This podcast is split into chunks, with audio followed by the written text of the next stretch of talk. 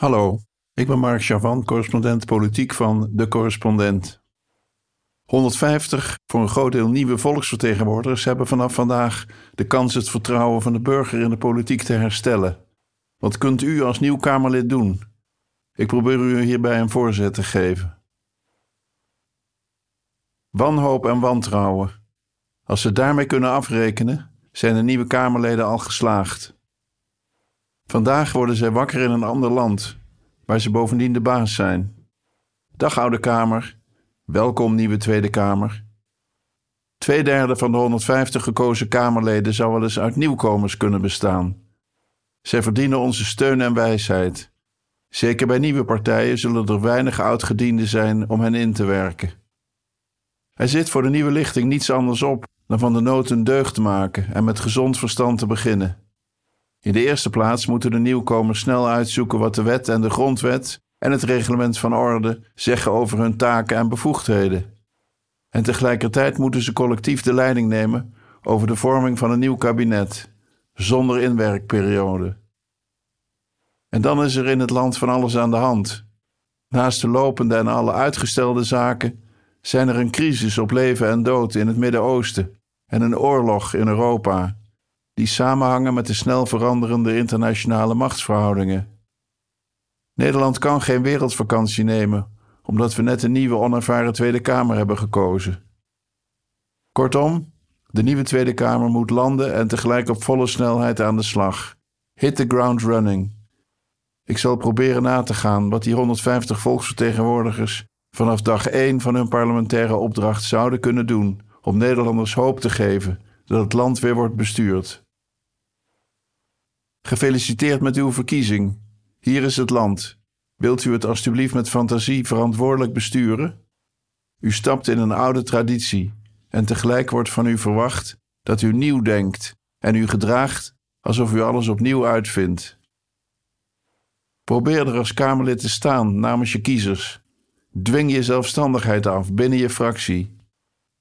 Verschil zonder ruzie te maken van mening in het debat.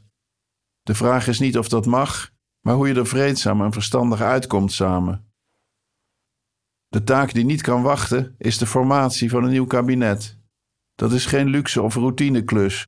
Het laatste kabinet was maar 543 dagen volledig in functie, na een formatie van maar liefst 299 dagen. Het kabinet daarvoor zat ook de rit niet uit. Tijdens al die demissionaire maanden worden er nog minder besluiten genomen dan anders. Om vertrouwen terug te winnen is het dus nodig dat er redelijk snel een competent kabinet wordt gevormd. Daarbij is het vanaf de eerste dag opletten geblazen. Sinds het staatshoofd in 2012 is gepensioneerd als gespreksleider, doet de Kamer de formatie zelf. Dat is door de grootste partij, sinds die tijd de VVD, vervolgens zo uitgelegd. De grootste bepaalt hoe het verder gaat, zonder veel overleg met de overige partijen. Maar dat hoeft niet zo te gaan. In 2021 bedisselden de twee grootste fracties, VVD en D66, op de verkiezingsavond dat zij ieder een verkenner zouden leveren, en wel uit hun actieve binnenste kring. Het werden Annemarie Jorritsma en Kaisha Ollongren.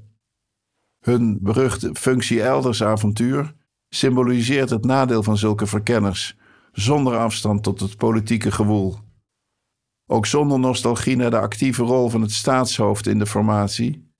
Die paleisprocedure van vroeger zorgde wel voor een zekere objectivering en gelijke rechten voor kleine partijen en minderheden in de Kamer. Het zou dus verstandig zijn als u in de nieuwe Tweede Kamer direct duidelijk maakt dat de formatie niet het eigendom van de grootste fractie is. Om dat te onderstrepen kan de nieuwe Kamer besluiten te zoeken naar enige rust in de eerste dagen na de verkiezingen waarin een verkenner met ervaring, maar eveneens enige afstand tot de actieve politiek, alle partijen de kans geeft te zeggen wat er moet gebeuren. Daar is iedereen het vast over eens, maar in de Oude Kamer werd verschillend gedacht over wie dat zou moeten zijn. De Raad van State heeft geadviseerd een vaste functionaris als verkenner aan te stellen. De oude Tweede Kamer voelde daar niet voor. Nog het staatshoofd, nog de vicepresident van de Raad van State kregen meerderheid. De oude Tweede Kamer liet het initiatief om een verkenner te kiezen, dus bij de grootste fractie. Maar de nieuwe Kamer is baas in eigen huis en kan wie dan ook vragen om de stand van zaken op te maken als de winnaar te snel naar zichzelf toerekent. De nieuwe Tweede Kamer wordt op 6 december, twee weken na de verkiezingen, geïnstalleerd en wil volgens de eigen regels dat binnen een week de informateur aan de slag gaat. De eindeloos, bijna een jaar uitgerekte formatie van 21-22 herinnert ons eraan hoe het niet moet.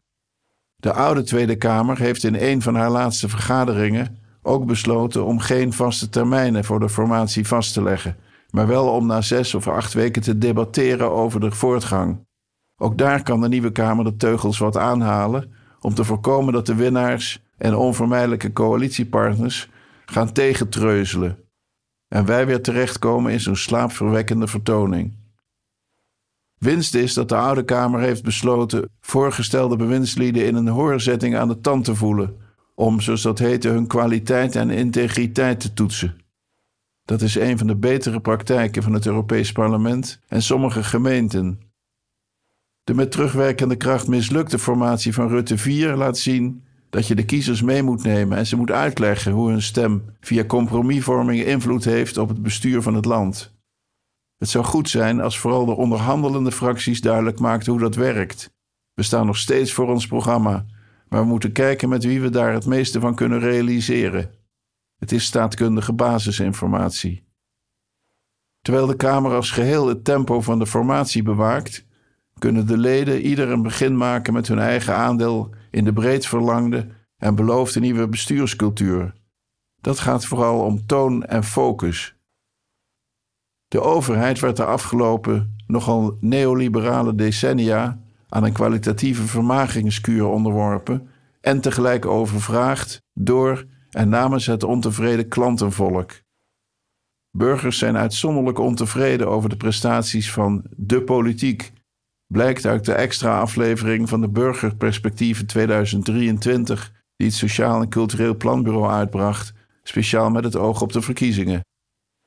Bij teleurstellende dienstverlening kregen politieke partijen de schuld, of ze nu meeregeerden of niet. Dat sentiment blies wind in de zeilen van de politiek van verontwaardiging. Die bracht zelden oplossingen dichterbij. De politieke arena werd steeds meer een lanceerbasis voor spectaculaire en agressieve sociale mediafilmpjes, waarmee politici zichzelf en hun partijen in beeld hielden.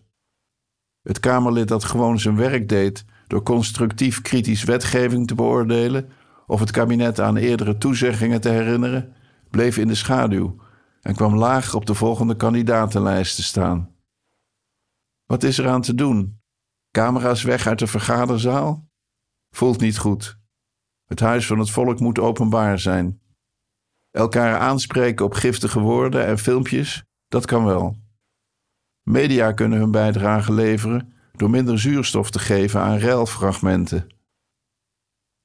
Een gemiddeld Tweede Kamerlid zit tegenwoordig vier jaar in het parlement. Dat is net genoeg om erachter te komen hoe alles werkt, maar niet genoeg om een substantiële bijdrage te leveren. Daarna wacht vaak een rustiger en als het lukt, beter betaald leven als bestuurder of lobbyist namens een meestal kapitaalkrachtige mening of een zakelijk belang. Geen wonder dat de Tweede Kamer als instituut onzeker is geworden over de eigen rol. Ministeriële adviseurs beschermen hun voorbijtrekkende bewindslieden door mogelijk negatieve informatie zoveel mogelijk achter te houden. De Kamer laat zich dan te veel aanleunen. Versnipperd als ze is, vragen Kamerleden vrij lukraak om informatie, meer dan iemand ooit kan lezen. In dat klimaat van stuurloze politiek vonden steeds meer beeldvormers hun werk. Het vertrouwelijke verkeer tussen pers en politiek maakte plaats voor geregisseerd wantrouwen. De onvoldoende op zijn consequenties doordachte tijdelijke verhuizing van de Tweede Kamer naar het brutalistische kantoorgebouw waar eerder buitenlandse zaken zetelden, formaliseerde die kilte en afstand tussen politiek en media. Dat krijg je ook als je van de Rijksgebouwendienst een Rijksvastgoedbedrijf maakt en dat bedrijf de leiding geeft over de noodopvang van de Tweede Kamer. Het resultaat getuigt van een gebrek aan historisch besef en een tekort aan respect voor de institutionele functie en status van de Kamer. De tijdelijke ophoklocatie van de Eerste Kamer aan de Haagse Kazernestraat is zo mogelijk nog ongepaster. Maar dat is in de eerste plaats de zorg van de senatoren. De Tweede Kamer heeft genoeg werk aan het van de eerste dag heruitvinden van de eigen rol. Een blik op de agenda van een gemiddelde vergaderweek geeft een begin van inzicht.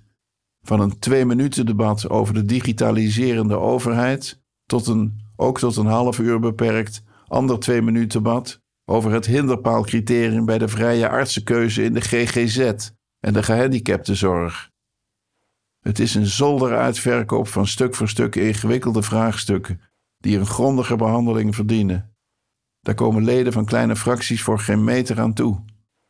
In de oude Tweede Kamer kwamen maar vier fracties boven de tien zetels uit. Bij de overige moesten de leden twee of meer hele ministeries voor hun rekening nemen en de tientallen onderwerpen die daar spelen.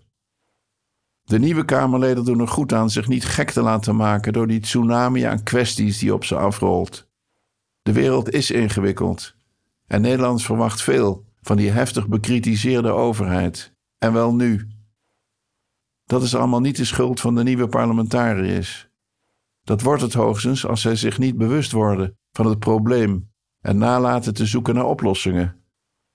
Zeker de kleine fracties zullen meer onderling taken en spreektijd kunnen verdelen. En structureel meer Kamerleden om het werk aan te kunnen, ligt voor de hand. Wim Voermans, hoogleraar staatsrecht, stelt voor de Eerste Kamer en de Tweede Kamer samen te voegen. Dan kom je uit op 150 plus 75 is 225 parlementariërs. Dan lig je ongeveer op het Europese gemiddelde van het aantal Kamerleden per inwoner. Uitbreiding van het aantal Kamerleden vraagt wel om wijziging van de grondwet.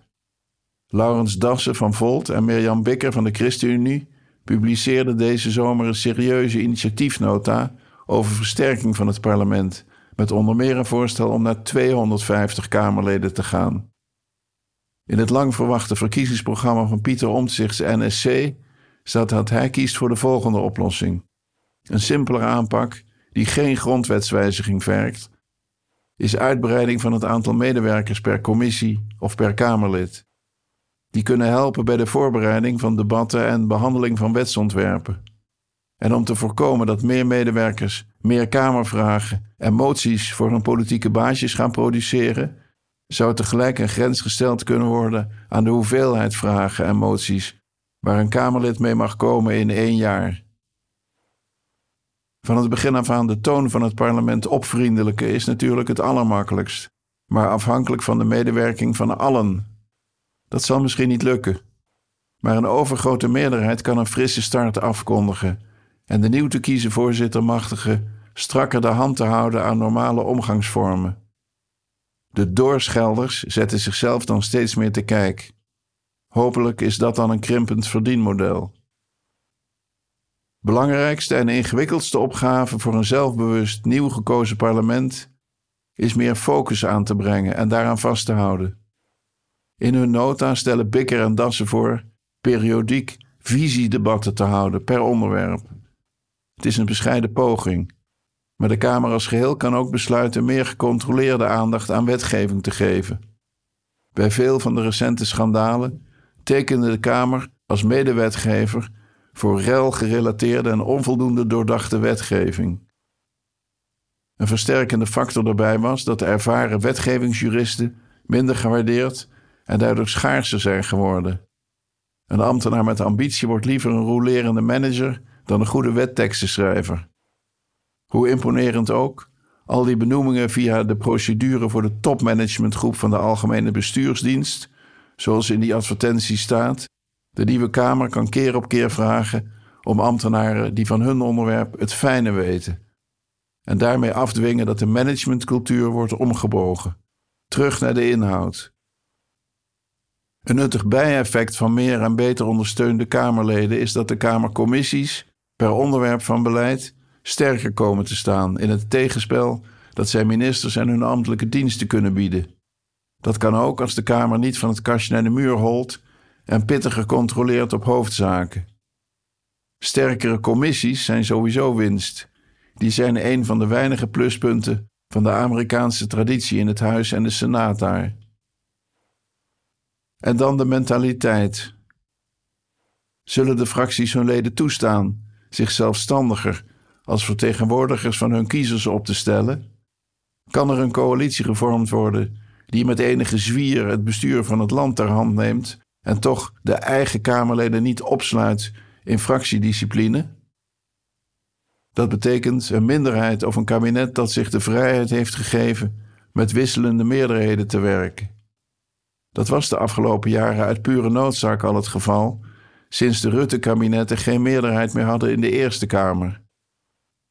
Het doel van meer vrijheid voor Kamerleden is natuurlijk dat er ruimte komt voor een serieuzer inhoudelijk debat, meer openbare discussie over nuances en afwegingen. Natuurlijk moet een kabinet op hoofdlijnen kunnen rekenen op een aantal fracties, maar dat hoeft niet te leiden tot een gegroeide verlamming van het parlementaire debat. Ik begrijp het, er is veel optimisme en goede wil nodig om deze en andere verbeteringen in de werkwijze van de Kamer waar te maken. Maar waarom niet geprobeerd? Ondanks hun ontevredenheid over de politiek hebben veel kiezers toch gestemd. Ze hebben hun hoop niet verloren. Wat kunt u als nieuw Kamerlid doen om de malaise om te zetten in positieve actie? Eerst inzien, dan doen. Het aanzien van de Kamer en daarmee het vertrouwen in de politiek kunnen alleen maar omhoog. De correspondent bestaat tien jaar. Al tien jaar maken wij journalistiek voorbij de waan van de dag. Journalistiek die niet polariseert, maar perspectief biedt. Die geen ophef najaagt, maar oplossingen zoekt. Wist je dat de correspondent 100% door leden wordt gefinancierd? Dat betekent dat we ons werk alleen kunnen doen als luisteraars zoals jij ons steunen. Word vandaag nog lid. En draag bij aan diepgavende, advertentievrije en onafhankelijke journalistiek. Ga naar decorrespondent.nl en word lid.